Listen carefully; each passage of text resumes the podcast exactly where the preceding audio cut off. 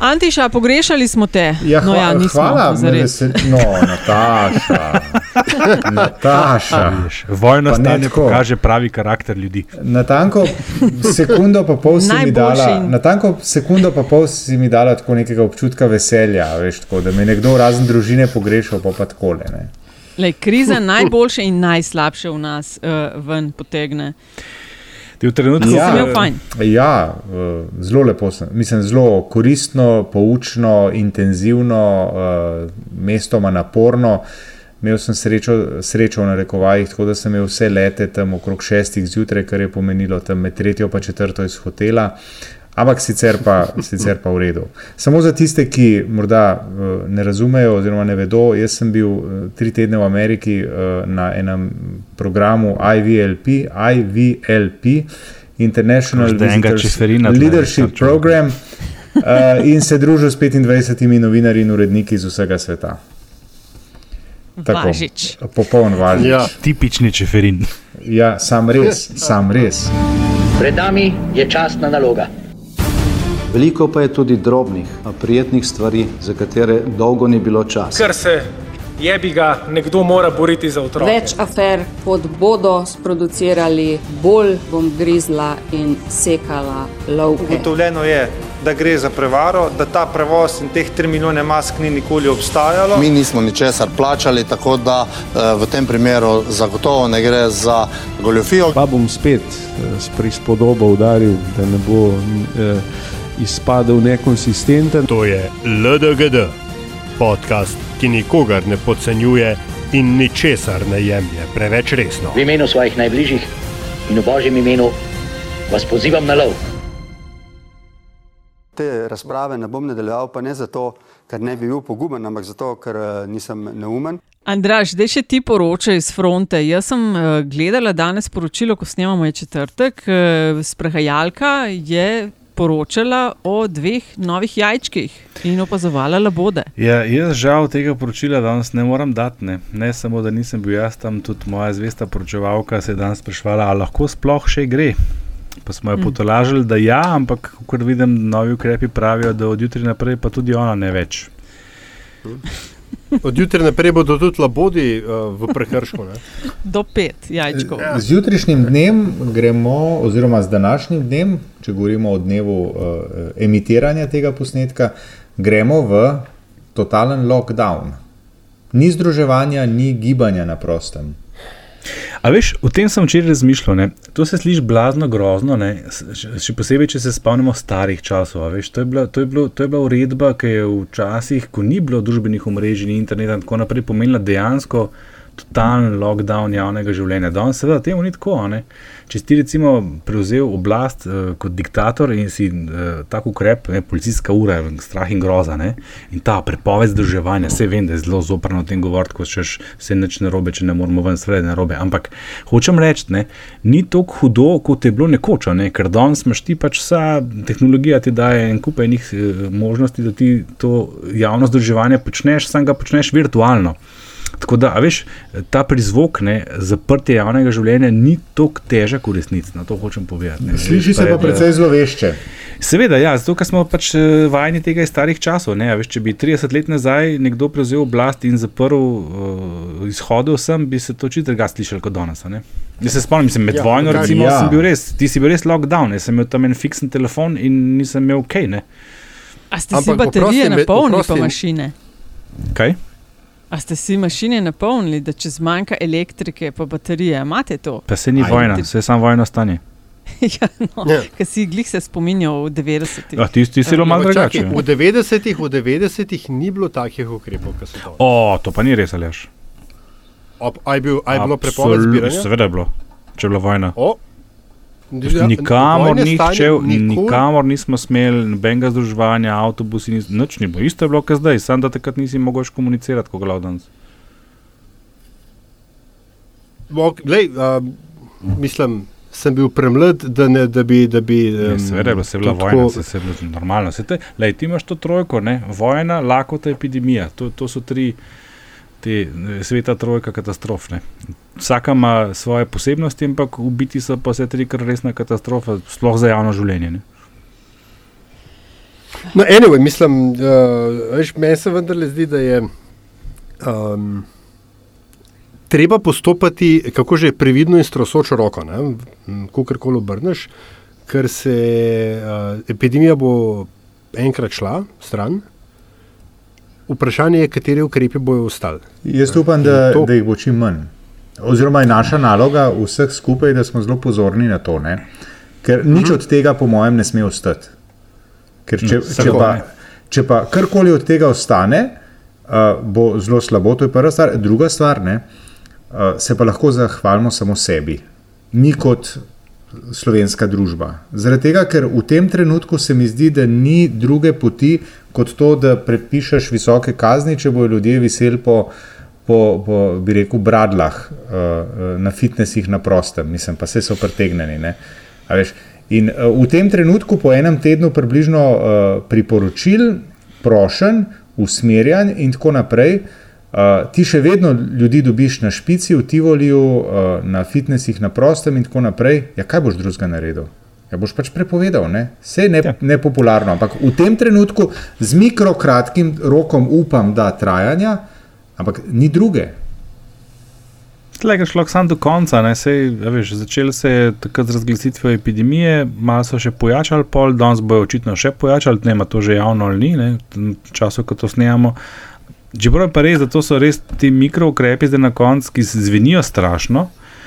Eh, njihov prispevek je pa predvsem bolj v ustrahovanju teh, ki tega ne spoštujejo, pa ne vem, če bo res vplival na njih. Veš, tisti, ki že do danes tega niso spoštovali, le, mislim, bojo šli pa kot primer unga, včeraj sem ga videl po noči v poročilih na zamiku, ki so ga vprašali, ja, je ta fitness naprava, pa to mogoče si tega mislil. Antiša, ne. Ne, Ta bo, po mojem, še vedno šlo, ne, ne. pač tvegal, ne, veš, mislim, to je, ne, tle. Ampak, veste, uh, mislim, problem je, veste, v čem je problem? Ne? Problem je v tem, da uh, folk je vedno za eno stopno pametnejši od ostalih. Ne? In čemu smo zdaj priča tukaj uh, na izolskem koncu, ravno danes poslušam na radiju, ja, kaj ne? Ljudje se umikajo tja v vinograde, te mulci mladi, se zapeljajo skuterji v vinograde, pa se tam družijo. Izola ima tako pač okrog, okrog izole, je pač kar precej teh površin, kjer se pač otroci lahko družijo, ne, oziroma mladi. In pač to počnejo. Ma, ja, čak, imajo, niso krivi ne. oni, to kot njihovi starši. Dobro, veš kaj, kdo je tebe lahko pri 19 zadržal? Nihče te ni mogel zadržati. Mislim, ja, lej, vse vem, imam, imam trenutno mulca starega 14 let, ki sem mu prišel domov. Uh, v četrtek, v bistvu, ja. petek je bilo že konec šole. Ne. In je imel krasen plan, ne, ker je slučajno tudi sam doma, ker je njegova mama na Mauriciusu. Ja. In je rekel: Veš kaj, oči, dej, uh, imamo mi plan, se ne bomo šli nikam, se ne bomo zundružili, bomo jim prmen, bomo, uh, kdo bo, ja, še dva prijatelja, pa še tri punce, aha, pa sleep over bi imeli. Rekel, hej, sine, I like the way you're thinking. Ne. Ampak to ne bo šlo čistko. Pa smo pa rabljali dva dni, da smo osvojili, veš, zakaj moramo biti mi notni. Zaradi vseh unih, ki hodijo ven, takrat, ki jim vsi ostali rečejo, da ne bodo notni. In je ja, res slabo dva, tri dni, da je dojel to, no? zdaj, zdaj pa štekane. Ampak, a veš, kaj je oprosti, ker Antišek je rekel, da, je to, da, si, da si lahko mi sami pri, pripišemo. Ne? Po drugi strani, uh, in mogoče lahko danes tudi o tem, kaj rečemo, ne? je pa to vendarle fail komuniciranja državnega nasplošno. Ne? Kaj je to? A veš, do, do, pač, recimo to nezavedanje o nujnosti social distancinga, z lepo slovensko besedo. Ne, se Zakaj se ti zdi to fail komuniciranja? Glej, ma, marsikaj se je bilo v tej državi treba narediti. Da smo mislim, to primerjavo z vojno, v končni fazi smo tudi imeli, čeprav moram reči, da mi je zelo, zelo um, neugodna in, in, in neprimerna, ne? ampak ok.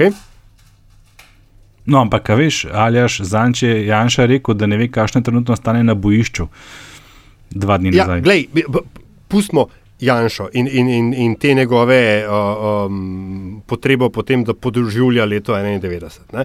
Hočem reči, kar, kar se tiče ljudi. Veš, če država ne zna, če oblast ne zna skomunicirati, absolutno nujnost uh, uh, odstranjevanja, se pravi, ne druženja ne? In, in da se potem uh, zateka k represiji, to na neki strani pomeni tudi fail komuniciranja. In mislim, da lahko rečemo, da to komuniciranje.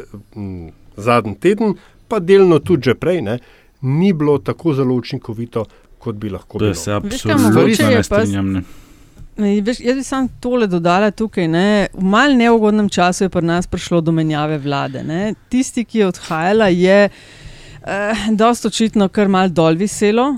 Kaj se dogaja, eh, niso dovolj resno, pravi trenutek, skomunicirali, tile še niso mogli. Po enem tednu prevzema oblasti je pa vključno s tistimi um, uh, Twitter računom krizni štab, pa se recimo, zaenkrat ni prav dobro išlo. Ne. Sem pa danes, ko sem stala po petih dneh, sem šla v trgovino, sem stala v vrsti in.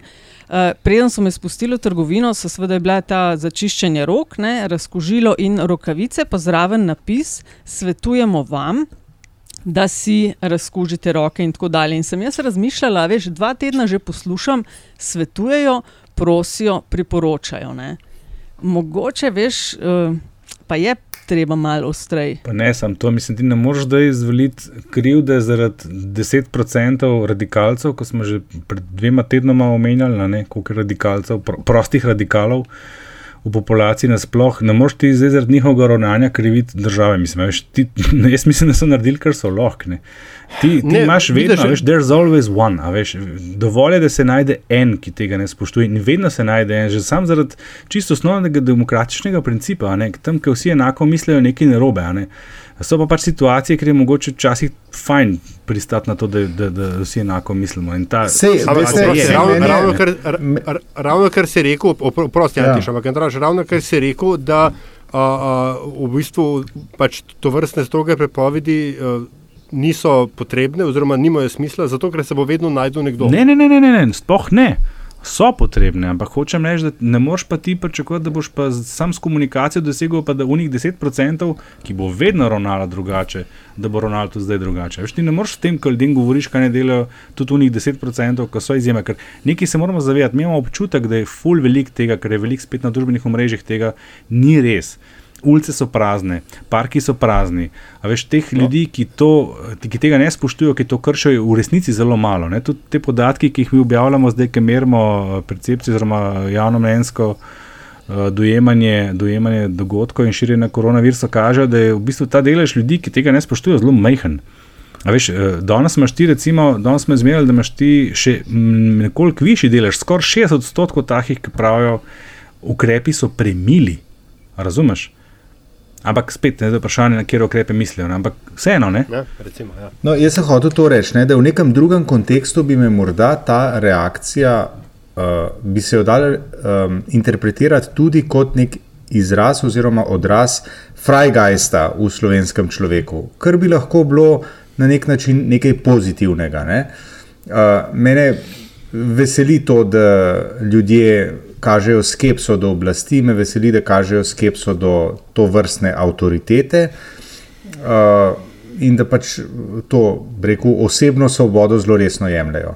Po drugi ampak strani, v- v tem kontekstu je seveda to neposrečeno, zato ker zdaj pač je tako, da ne, ta osebna svoboda lahko meni, eh, če jo nekdo drug. Rekel, uživa, lahko meni zelo škoduje. To mi pa ni najbolj všeč. Ali pa, komor, če jo jaz uživam, lahko človeku okrog sebe, uh, enemu, drugemu, tretjemu, lahko zelo, zelo škodujem. To pa se mi ne zdi fajn. Ne? Gre za to, ne, da ti uh, v takih razmerah, v katerih smo, in treba je razumeti, da to so vojne razmere. Tle je razlika. Ne, oprosti, to niso vojne razmere, to so epidemiološke, epidemiološke razmere. Dajmo se začeti pogovarjati o stvarih takšne, kot so. No, to okej, niso v redu. vojne razmere, vojne epidemiološke, tukaj- whatever, jaz razumem, jaz Ne, razumem ne, ne, je- epidemijo, je- razlika, no, je epidemijo vojno, lakoto razumem kot isto kategorijo katastrofe. V vseh treh primerih imaš ti veliko katastrofo za populacijo, imaš polno enih omejitev, imaš uh, pravila, ki se jih treba držati in tako naprej. Imaš veliko, veliko tvegan, uh, družbeni odnosi so na, na, na preizkušnji in tako naprej. Tle, vojna stane rečem zato, ker je eh, dejansko, mislim, kot temu rečeš, sen, ampak dejansko je isto. Ne? Razlika je samo v tem, da na mestu bomb, ki bi lahko letele, je pač le neviden sovražnik, ki se ga vsi bojimo, pa ne vemo, kje je. To je edina razlika med vojno in med To je ključna epidemijo. razlika. Ampak, okay. Nadaljujte, oprost, ampak sorry, gro, grobo sem te prekinil. Hočem samo reči, veš, da to, kar je Antiša rekel, ne, v takih trenutkih pač ni čas za preizpraševanje. Zdaj je, kar je. Veš, tle, lahko se bomo pol spraševali, lahko se bomo o tem spraševali v trenutku, ko bo začela stvar pojenjati. Jaz se spomnim, ko je bila vojna, spet sem na to referiral, ne, 90, 91. Takrat so tudi malo povlekli. ne, Takrat je tudi, ne, če se spomnite. So kar povlekli malo tisto izredno stanje. Vem, da mi je šlo meni to blazno na živce, ker so mi še, že drugi dan vojne kolo ukradli, pa res nikamor nisem mogel, razen da bi šel peš. In, in, in sem ob- obesil takrat in panovan čez balkon, dost imam, ne, ker so dejansko, veš, kaco je še kar užival v tistih tiskovkah. A se spomniš tega? Ja, seveda se Prevlekel spomnim. sem eno rjuho, pa eno barvo, ki sem imel za steno malat, ker sem hotel dati vedeti, da zdaj pa dost, ne, mislim, se, se je konc, ne, a veš. In so nas držali še dva dni not, brez zveze, ne. In tle se lahko to ponovi, to pa je zelo dobro vprašanje, ne. Čeprav ta trenutek ni še čas za to, ne, ker se moramo pa zavedati, da tole bo trajalo malo dlje. Ne. Pa še nekaj nečesa, kar pa meni osebno bolj strah, je pa to, da pa pride do nekega bumerang efekta v smislu, pa sej ni tako hudo, veš. In jaz mislim, da zaradi tega so pomembne te zaostritve. Ne? Zdaj le imaš krasne, tople, sončne dneve, eh, podatki statistični so krasni v resnici. Ne? Uh, Nič ne kaže na kakšen izbruh in delač od tega, kar se je zgodilo v Italiji, in tako naprej. In to bi lahko zdaj en par ima ljudem, a veš, zdaj pa, lej, družine so doma, same sabo, toliko časa že, zdaj le pet dni ali koliko, še redko kjer je kdaj preživel skupaj. To bo, bo pokal na vseh nivojih, razumeš? In v eni fazi si bo marsikdo rekel, pa le, se kva, se ni tako hudo. Mislim, jaz osebno priznam, sem bil dva dni nazaj z unis tam ali mi se mi zdelo, pa se ni tako hudo, veš. Še mal pa šel tlele do žabarja, ne vem, perče bi odprt. No, se, jaz mislim, da se, bo, da se bo to vrstna subverzija se bo začela dogajati, da se zdaj recimo z Andražem ne bova na pivu dobila pri Žabarju ali pa kje druge v mestu, ampak, uh, ampak se ne bova, ne Andraž. Ampak se bo dobila uh, pri enem ali pa pri drugem doma. Ljudje bodo to začeli delati. To že Ljudje delajo. Ne, no, evo, pa smo pa tam. Ne. To že delajo, vse to je to. Mislim, to je pa tisto, jaz sem šel zadnjič na sprehodu mimo ene babice, ki je sedela na klopci, pa sem jo slišal, preslišal telefonski razgovor in pa razlagala. Ne, ne, ne, ne, jaz sem v redu, jaz sem zdrava, ti kar prid k meni, si ti tudi zdrava, ne, ti prid k meni, vse je v redu. A veš, to je to, ker družine med sabo, to, to, to je v redu, a veš, vse mi smo zdravi. Ne, Ja, ne razumejo. ne, dovolj je samo to, da je eden od njih nekje zaposlen v eni tovarni, ki zdaj dela, vsaka čast jim, in se pol stvar spet razširja. ne. Zato je pa, zato pravim, ne, ta lockdown je, je, mislim, je full strok do tistih, ki ga spoštujemo. Pa, pa, pa ne tako učinkovit, zaradi vseh ostalih, ki so zunaj, pa grejo sam na en obisk. vse, vse sem zdravi. Ne? Sej, gled, da, ne bo, da ne bo pomote. Jaz se seveda strinjam, da smo pač prišli do, to, do te točke, ki je, ko je lockdown potreben. Ne? Mi pa absolutno ni všeč. Ampak tisto, kar mene bolj skrbi kot lockdown, ne, a, je a, pač a, to opletanje z upoklicom vojske in policijskimi, um, pač ta akti- aktivacija tega 37. Ja. Člena, za katerega že dva dni poslušam a, na, na, na Twitterih, pa se troli nekako ne morejo odločiti, ali ne znam brati člena, pa se gre sam za mejo, sej ne bojo nič imeli za nami, ne, državljani, ali pa skrajen čas, da tudi naše naš državljane po betici tudi vojska, ker očitno policija svojega dela ne more opraviti. Ne, skratka, ne, nekaj od tega ne more držati. Kakorkoli. Hočem samo to reči, ne, a veš, da je obstaja, spet se vračamo na začetek, to, kar je Antiša uh, omenil, obstaja nevarnost ne, in se mi zdi, da resna, glede na akterje, ki so zraven, da oblast pride na okus za izredne ukrepe. A bi, nas to, a bi te, Andraš, to isto skrbelo, če bi ne bila glavna stranka zdaj v koaliciji SDS? Če bi to recimo se uvajalo pod vodstvom ne vem, LMŠ-ja, SD-ja, SMC-ja. Tu si hotel ali jažo vprašati, da bom izkoristil tvoj lapsus, pa bom vse jaz odgovoril. Ja, veš, kaj sem sam hotel upomniti? Tako kot sem prej na začetku rekel, da danes policijska ura pa prepoved zadrževanja javnosti ni tako radikalen ukrep, kot je bil nekoč. Ne. Namen teh ukrepov v preteklosti je bil, da se ljudje ne pogovarjajo med sabo, ne da se ne družijo fizično. Tega danes ni, mi se vsi družimo, sam se družimo virtualno. To drugo, kar si pa zdaj le rekla, ne, oziroma je Aljaš povedal, pa tudi ne drži. Ne. A mi zdaj pričakujemo, da bo en teden potem, ko je ta struktura, na katero bo zdaj Aljaš odgovoril, zakaj ga bolj skrbi kot una druga, prevzela oblast. Potem, ko je 12 let ni bila na oblasti, odkje pa pričakujemo, da ima pa oni zdaj vojsko in policijo pod kontrolo. Mislim, veš, to je strah v, v diktaturah, kjer sta vojska in policija absolutno podrejena uh, vrhovnemu voditelju. Ta voditelj, ki se je zdaj pojavil, je tu en teden. V bistvu nisem je... hotela tega vprašati, ne? ampak da je ta voditelj naklonjen ali pa eh, nadzorovanju in eh, tudi takšna je hierarhija v stranki, ki jo vodi, sem bolj to imela v mislih. Ne? Koliko časa je on bil, pa ni bil vse čas na podoben način delujejo. Mene samo to zanima, ali bi ljudi, kar nekaj jih je, ki jih to skrbi. Ali se bo to ukinilo ali se ne bo. Ali bi nas enako globoko to skrbelo in Anti še na začetku to isto rekel, če bi to s tem začela najprej neka druga stranka. No, bom jaz odgovoril, če se je hotela mene vprašati. no, A, seveda, pa še jaz besedo vzel.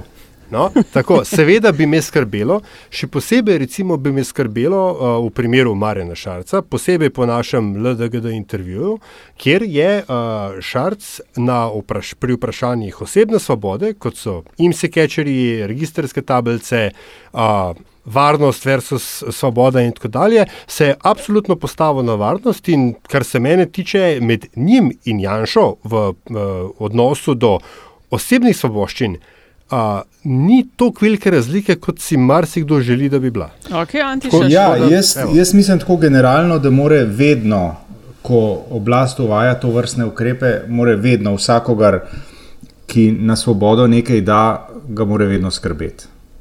In jaz mislim, da tukaj ne bi smeli biti razlike, a to zdaj uvajajo teli, oni ali pa prihodni. To ne, ne bi smelo igrati prevelike vloge. Bi pa glede, uh, glede trajanja vsega tega, kar se nam zdaj obeta, bil vendarle uh, zmeren optimist. Namreč uh, mi tega zadnjih 30 let, to vrstnih ukrepov nismo imeli, in jaz mislim, da smo se v veliki meri uh, te osebne svobode, smo jo nekako vzeli zelo, zelo resno. Državljanom je za razliko od leta 90, ko smo prišli iz enega sistema, kjer je bilo te osebne svobode bistveno, bistveno manj kot je danes, uh, uh, danes, je, danes je veliko. Jemljemo jo resno. In jaz mislim, da, da je kritična masa ljudi, ki zna upozoriti na to, da stvari pa morda malce predolgo trajajo, dovolj velika, da uh, si oblast ne bo prvošla predolgo ustrajati v izrednih razmerah. Pričemer mm. opozarjam, da danes tukaj se mi ti ukrepi zdijo smiselni. In če sem še vem, do včeraj, predvčerajšnjem dvomu, uh, v lastno prepričanje, sem potem z zadovoljstvom prebral uh, en tweet uh, našega uh, sogovornika, ko je Andraš manjkal, Pavleta Gantarja, ki je rekel, da se mu zdijo v tem hipu to pravi ukrepi. Rekel, okay, ne, če pa nekdo, ki je že leta 85 pisal o zoprstavljanju političnemu enoumju in tako naprej, pa pa verjetno. In 68 protestiral. Tako, potem pa verjetno tudi jaz nimam čist narobe. No, for, for, for, for the record, kar se tiče uh, aktivacije vojske, imam jaz absolutno odkljudno stališče, ostalo može, ne? kar se mene tiče, seveda, mene ne bo nihče napošteval, bi pa zgolj nanesel nekaj, nekaj soli na tole, ali pa peska v tole lepo, le, lepo tekoče kolesje. Um, jaz bi sam prej preveril, ali govori zdaj politolog ali pravnik iz tebe. Uh, oba. Oba, oba hkrati. Seveda. Tako. To se redko zgodi. Namreč, izredne razmere. Mi, mislim, da se strinjamo, da imamo mi de facto izredne razmere. Na? Ja, seveda. seveda. Ja, no, ampak ja. državni zbor o tem ni sklepal. Te izredne razmere so bile nam, nameščene in se izvajajo, o tem nimamo enega formalnega sklepa pred, najvišjega predstavniškega organa. Ni, ne rečem, da je nujno, vem, da po zakonu o nalezljivih boleznih ni treba se samo obvesti državni zbor, ne, ampak mi smo prišli iz epidemiološke retorike na bojno retoriko ne, in uh, še vedno državni zbor ni o tem nič sklepal, o novem stanju. Tako da sam to bom tukaj pustil v razmislek, pa ne pač, a veš, mogoče, mogoče samo pra, uh, dramatiziram. Mogoče pa ne. ne. Jaz bi rekla, da tisto, kar je Andraš uh, pri Valikonu, kar so zmenili, uh, zmerili, da po moji izkušnji in pogovori s številnimi ljudmi te dni je bil odgovor večinoma en sam. Uh, že prej bi mogli bolj ostre ukrepe ja, uvesti. Ja, uh, to ja. sem jaz od ljudi na terenu slišala. Jaz se spomnim, če grem pa zdaj v drugo državo. Uh, Bataclan, teroristični napadi v Franciji, Pariz. Uh, kaj mislite, koliko časa so še imeli po tistem izredne razmere? Dve izvede... leti in pol. Tako, dve leti in pol so takrat imeli. Um, zdaj, vsak jih seveda bo različno interpretiral, po dveh tednih vojske na ulicah se tega tudi navadiš. Um, Jaz sem to na pariških ulicah večkrat imela priložnost videti, me nekaj dosti premaknilo, mene osebno, ker je moja izkušnja iz življenja v Ameriki bila, ko so pred vsakimi volitvami, sploh v času recimo Buševe administracije, 2-4, uh, pa po tistih napadih v Iraku in Afganistanu vojni, uh, je non-stop bila vojska na ulicah. Ne. No. No, ampak, je ta razlika, si... ne, to, kar je rekel, da to ni vojno stanje, ne? po tej plati pa res ni, ne? ker tle pa vojske na ulicah, po mojem, vseeno ne bo, ne? ker ti nimaš tle zdaj izgredov, vsaj za enkrat, če ne, pa mislim tudi, ja. da jih ne bo. Ne? No. Pa ni, ni uh, sovražnika, ki bi z orožjem tle napadal. Ja. Tle, to je bistvena razlika. Pa še nekaj treba vedeti, ne? s tem virusom pač treba živeti, ne? dokler ne bo cepiva, bo tu. In, in to bo trajalo, po mojem oceni, nisem zdaj strokovnjak in nočem imeti te vode, ampak jaz bi rekel, tako lep, en let še zihar bomo s tem živeli, preden, bo, preden bomo lahko rekli, da smo pa vsi cepljeni, pa smo safe. In v bistvu bo na nas spet, veš, koliko bomo to spremljali in koliko ne. Zdaj pač to ne vemo, kako bo izgledalo poletje. Ne? Če gledaš pač tisto špansko gripo, izgleda lahko fino, ne? poletje bomo šli malo na more, pa, pa spet ne. Ko je prepovedano zbiranje na, uh, in gibanje na javnih krajih, no, sem, to sem hotel zdaj nadaljevati. Ja, druga stvar je uh. pa, da, da bo pa moglo seveda gospodarstvo funkcionirati. Ne? In ti ja, tega ne moreš zdaj neskončno omejevati. Ne? Veš, imaš zdaj počivalška, ki je zdaj že zelo na glas rekel, ne more delati. Sem, prej sem prebral, da se že najavlja neka stavka delavcev v trgovini. Uh -huh.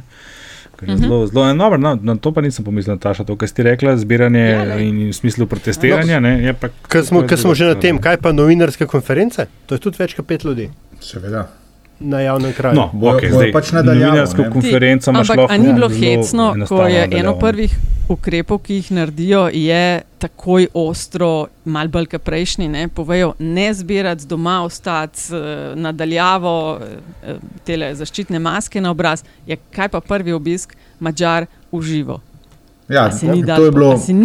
To, to, ni bilo prav, to, ni, to pa res ni bilo prav inteligentno. Pa se lahko komovčkajo, pa se s koleni točejo in uh, gležni, če se hočejo, ampak to pa res ni bilo prav inteligentno. To je tako nekako to zvišanje plač, sicer kar začasno, ampak ali je ah. to res bilo zdaj da, potrebno? Ne. To je, ja, to je, ne, to je nespametno. To je, po mojem, nespametno in s tem so dali vetra v jadra kritikom tako, tako. za. Pff, ja. Ne, mislim, za, uh, do, uh, do konca mandata, po mojem. Ne. To mačarsko, to mačarsko bo dobil eno... pod nos vsakič, ko bo le. Ne. In kaj trajki so. Mačar uživo in se menijo, seveda, pač v koridorjih, nekaj, kar se gladko zmeniš po uh, telefonu. Nataša, ne? lahko jim povzetek za tiste, ki smo bili zadnje dneve zelo zaposleni za reševanje situacije, Mačari, pa, pa tole s plačami, v tem mestu nisem več zasledil, kaj je bilo to? Iz katerega planeta si ti preletel? Ne, jaz sem še eno firmo. ne, ne, veš, kaj je bil.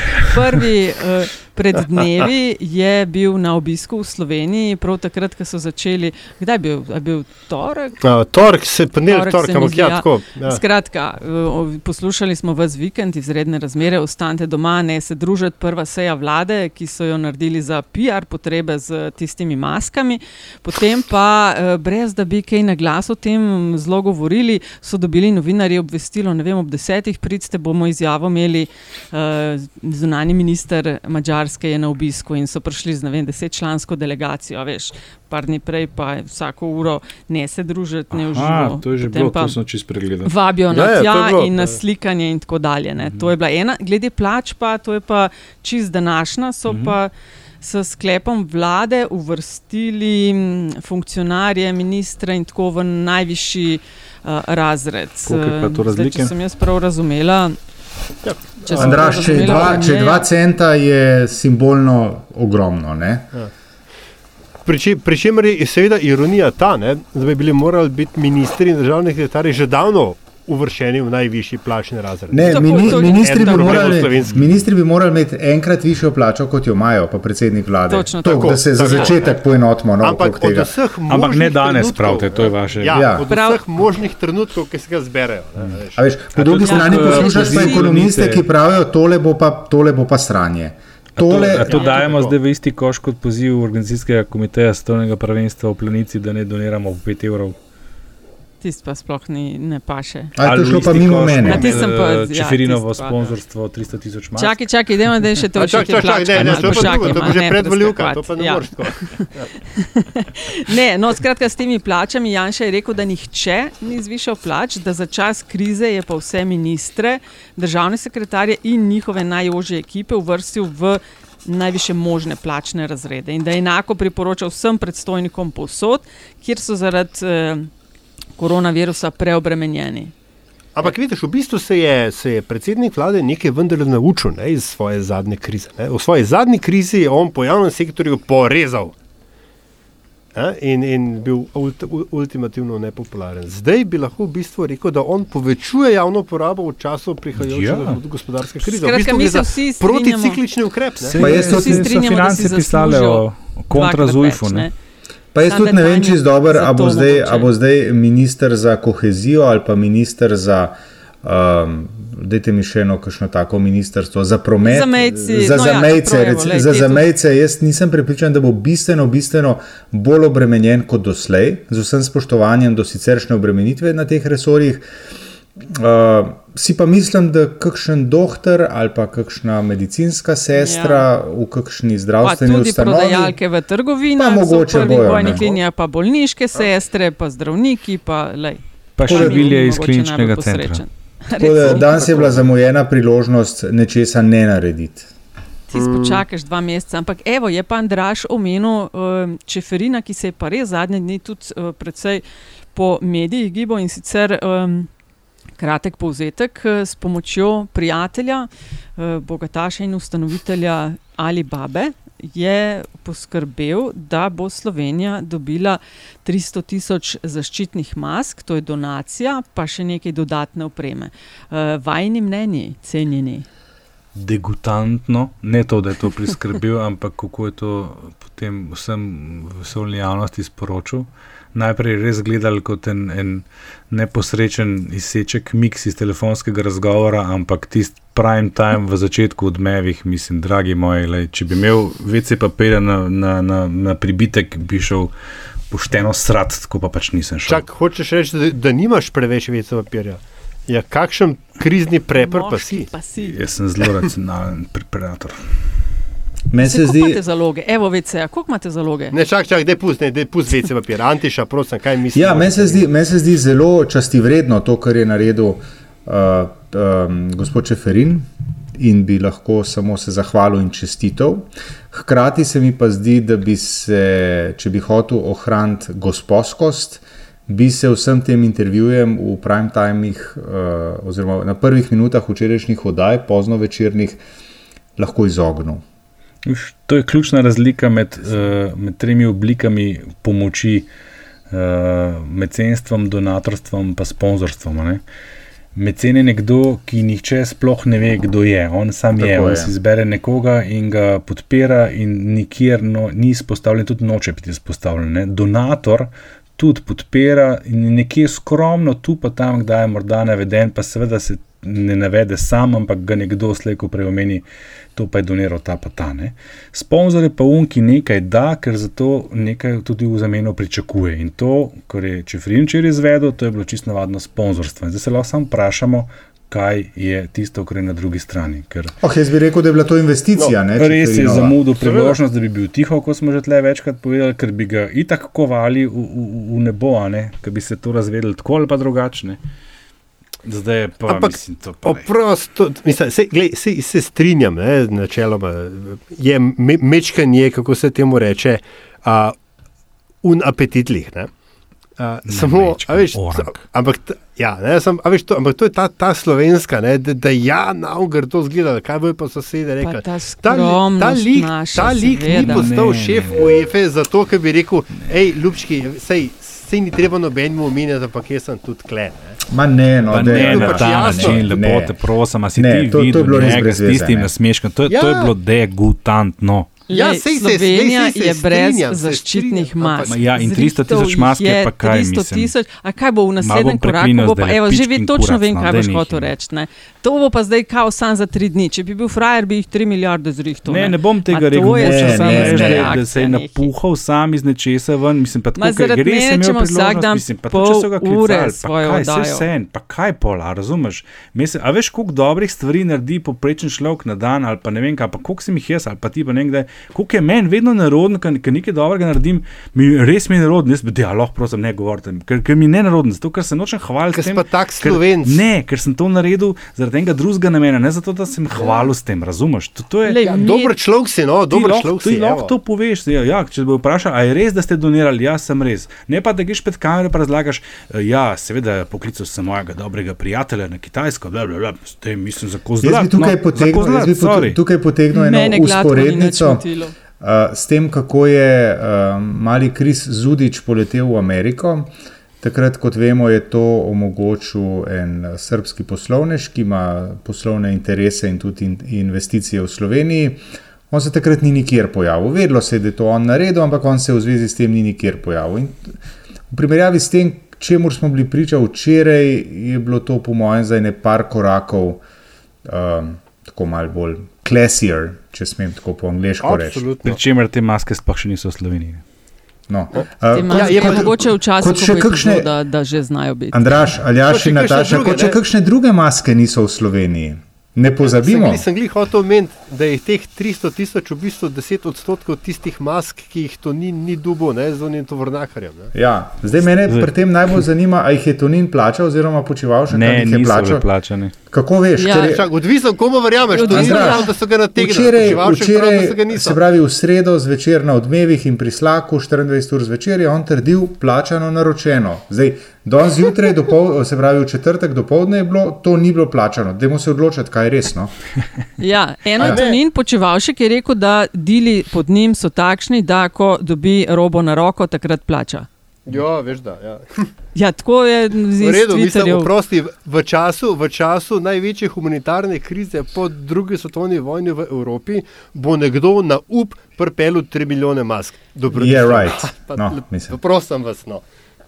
Ja.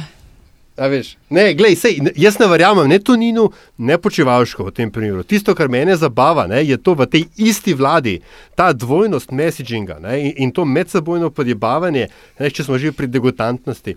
To je degutantno. Ne. Seveda je pa degutantno še tretja stvar, da premije to dovoli, ravno zato, da se mu manjšin, manjši uh, koalicijski partnerji med sabo skausajo, ker pa on potem po principu deli in vlade ostane nad tem in ne, mirno zdravo. Ne. Gre pa to seveda vse skupaj na uh, račun kredibilnosti cele vlade, končni vazi nekredibilnosti vseh teh ukrepov, ki se dogajajo in se pa, ne, da pa zdaj jaz malo populistično zaključim, ni čudno, da folk odzun uh, uh, uh, hodi in ne jemlje ukrepov resno, ker kdo pa lahko pol take kljubce jemlje resno, če se tako le še med sabo ne znajo zmeniti, kva se je, kva je bilo plačan, pa kaj ne. No, Ljaš, ti si nas pa pripeljal do ene zelo zanimive izhodišne uh, točke. Ne? Namreč, kdaj bomo vedeli, da stvari res niso več resne in da je čas, da se ukrepi omilijo oziroma odpravijo. Bo takrat, ko bo teh sporov več, kot jih vidimo zdaj. Že zdaj, očitno jih je nekaj, pa se mi zdi, da so zelo tako, grejo mimo. Mislim, jaz moram priznati, da mrske zdaj v teh dnevih je šlo mimo mene, ker sem se res z veliko drugimi stvarmi ukvarjal ki so mi, ki so mi bile na, na bistveno višji, višje na lestvici. Um, mogoče naslednji teden sem malo več tem ampak vse ne. Ko bomo zaznali, ne, da je teh nekih um, prepucavanj, postavljanj in tako naprej, o tem, kar si zdaj govoril, več, ne, da bodo v bistvu prevagale v tem. Uh, nad ukrepi in resno situacijo, bomo vedeli, da oni vejo, da stvar ni več resna in da se lahko to grejo. Ker dokler je stvar resna, se s tem ne bojo igrali. Ne? Tu pa tam zdaj kaj pade ven, ampak jaz mislim, da je to vse slejko prej ena neka nerodnost. a Veš, mislim, to nastop Tonina včeraj je bil zelo paničen. Začel se, pa, začel se je pa že prejšnji petek, če se, a vse se vsem dogaja lapsusi zdaj. Le, recimo prejšnji petek, ko so vlada potrdili, sta bila en za drugim najprej bil vrtovec, desanik je rekel, da bodo takoj zavihali rokave in ne vem kaj. Naslednja izjava Tonin, ne bomo nobenih ukrepov še danes spremljali. Kontradiktorno, ampak ampak to so pač te začetne nerodnosti. Mislim, ta vlada pa vendarle, da ima roko na srce, je padla usred največje krize, kot si rekel, prej po drugi svetovni vojni, kamoli da odmela zdaj 100 dni miru.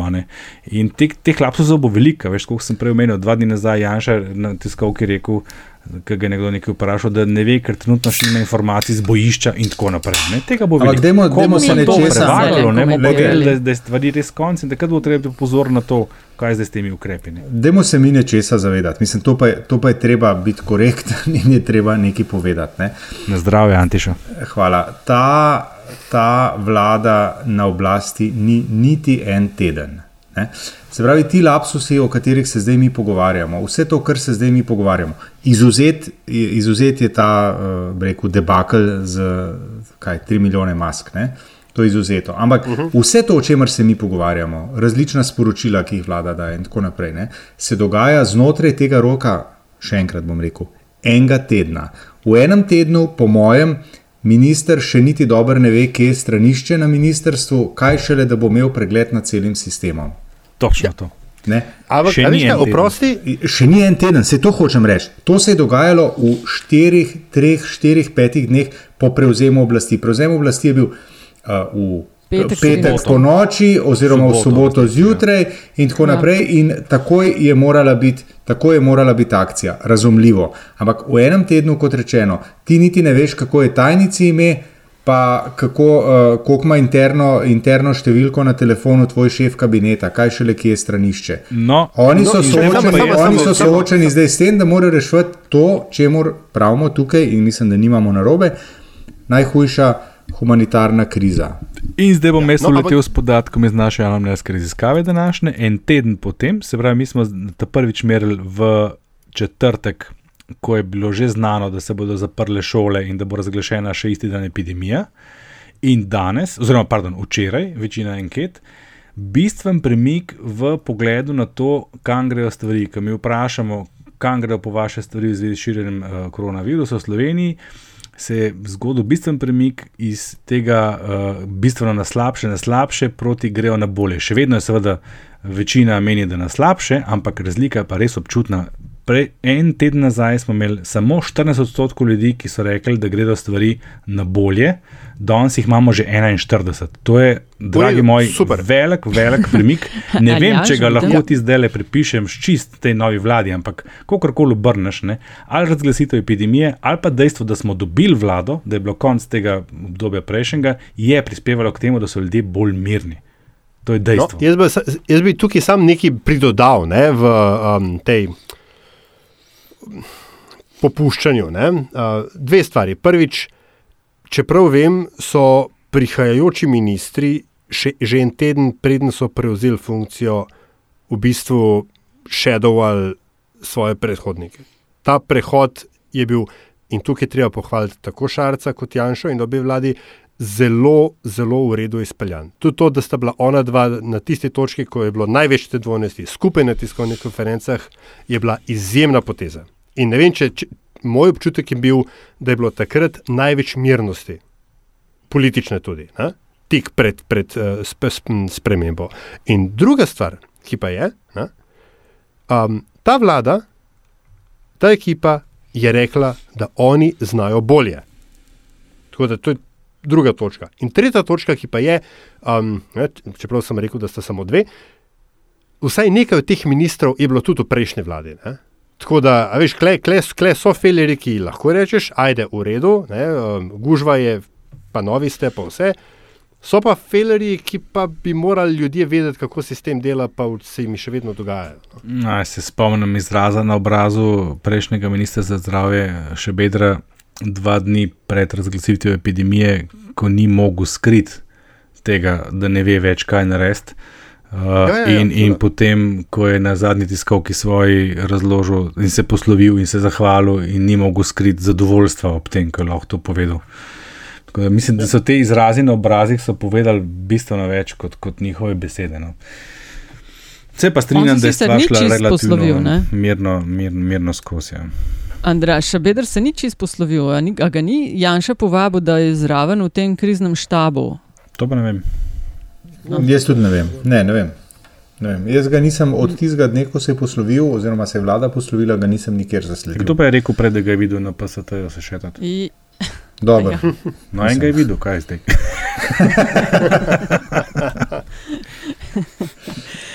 Kaj, ja, smo mi pri zaključku? ja, ja. Ne, še- čakaj, čakaj, ne, Ja, ne, ne, ne, ne sam, še, sam še nekaj, sam še nekaj. Um, tehnikalija, novi poslanci prihajajo noter. Ne?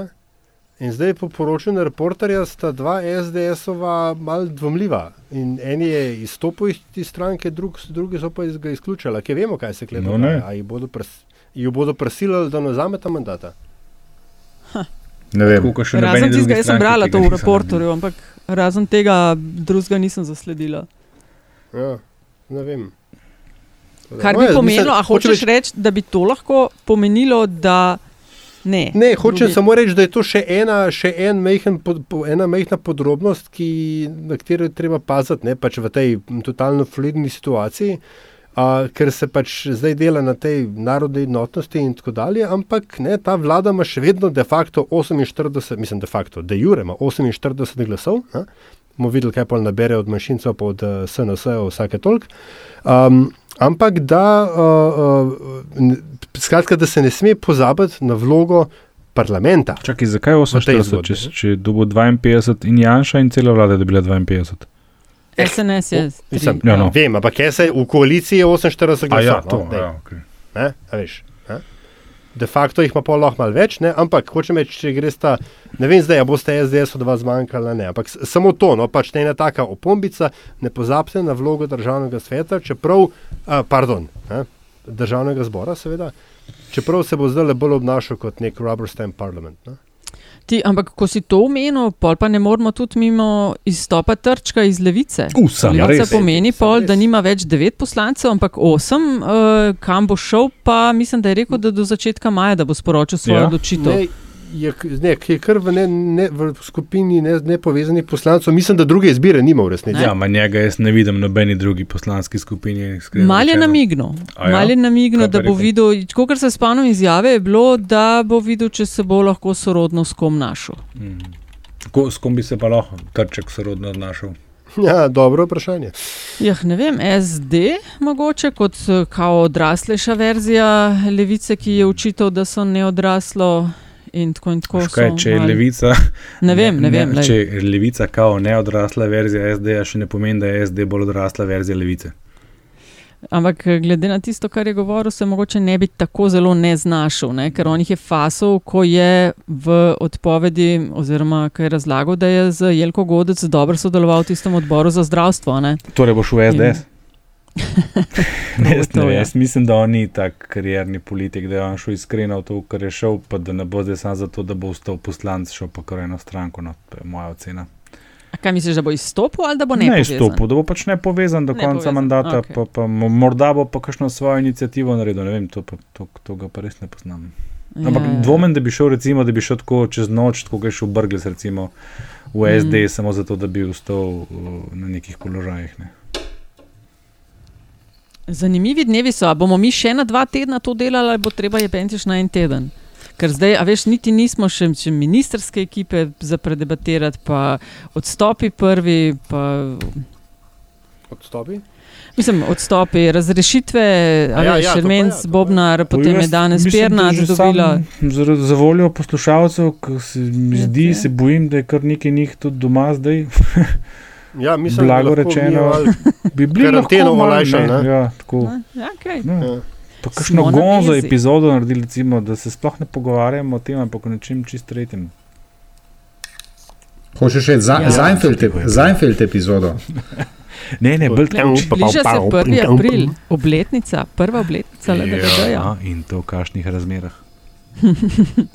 Ej, a veš, kaj se spomnim? Januarja enkrat smo debatirali, pa je takrat eh, završalo, ko je Erjavec zapustil, oziroma ni dobil mandata novega na čelu Desusa. In smo rekli, da za vsak mesec gleda, če se bo kaj zgodilo. Pa je eden rekel, ima to vprašanje, lej, kaj bo. Mm. Koliko se je že zgodilo, Mm. pa smo komaj.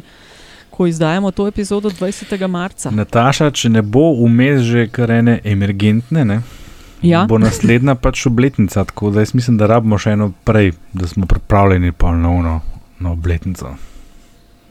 Ja, v vsakem primeru bomo zelo veseli, če boste vsebino delili, če, vam, če ste kaj zanimivega slišali, če vam je bilo zabavno, ni pa še konec, ne? za ja, dobro ne, mero. si- Malo si, mal si prehitela zdaj. Nisem, nisem namenoma je to bilo. Da Ja, v glas utaknem pred zadnjih 30, najbolj poslušanim delom DGD-ja. Um, zadnjih 30, Andraš, ti si delal neko, neke preseke, inventure. Kdo more začeti prvi? Uh, to bo tudi hkrati mojih 30, hvala Nataša. Uh, manj znano dejstvo je na vzorcu 20 od 30 epizod, da si prvo besedo pogosteje jemljeta Antiša in Aljaš, medtem ko sva Nataša in Andraš vljudna do obeh ostalih in ima to dopuščava in sva približno enakomerno na zadnji besedi. Vprašanje pa je, če ni zadnja beseda v bistvu prva. Uh, po tej plati pa zmaguje Nataša. Moja, Tako in drugače. Moja beseda bom, čisto svežem. HBO je objavil dokumentarec, ki bo imenitno sedel te dni. Naslov je After Truth: Disinformation and the Cost of Fake News. O tem, kako se širijo laži, manipulacije in dezinformacije, od Pizzagate in gomile laži povezanih s Hillary Clinton do ruskega upletanja v volitve 2016, Assanževega pritlehnega delovanja. O tem tudi, kako se dan danes zlorablja sam termin lažne novice in zastruplja političen diskurs. Kaos na spletu in družbenih omrežjih, vsak dan nas odsotnost vsaj minimalne regulacije našega delovanja v teh okoljih drago stane. Hvala. Kot je razumeti, napovedi nas tudi po koronavirusu čakajo nerožnati časi. In ti se bodo gotovo poznali tudi v medijih, ki, to pa je res treba poudariti, v teh dneh res opravljajo, opravljamo res pomembno delo. Zato velja v bistvu en sam poziv. Ne. Podprite nas, podprite nas uh, v medijih, podprite dobre medije, podprite verodostojne medije, ker kot vidimo v teh dneh brez medijev je malo težje, kot je z njimi. No, jaz bom pa tudi čist kratek. Um, se sem na Twitterju mogoče to že, že pripomnil, ampak uh, ko sem gledal Aleša Hojsa, notranjega ministra, me je nenadoma spreletelo, da Aleš Hojs in Vili Resnik nikoli nista v istem kadru. In potem sem si mislil, kaj pa če je Aleš Hojs v resnici Vili Resnik. Dobro, poglejte, boste videli, da je nekaj na tem. Ko To je bilo si DGD. na tleh. Podcast, ki nikogar ne podcenjuje in ničesar ne jemlje preveč resno, še posebej ne politike. Vaši gostitelji, Maljaš Pengovitenc, Radio Chaos, Antiša Korjan, Primorske novice. Vedno Andraž na koncu sta Zakovalikon dve poti, eno zbere Nataša resnik, eno pohojsa. O, kako si me nasmejalaš. Uh, hvala, hvala. Kdo zna, zna.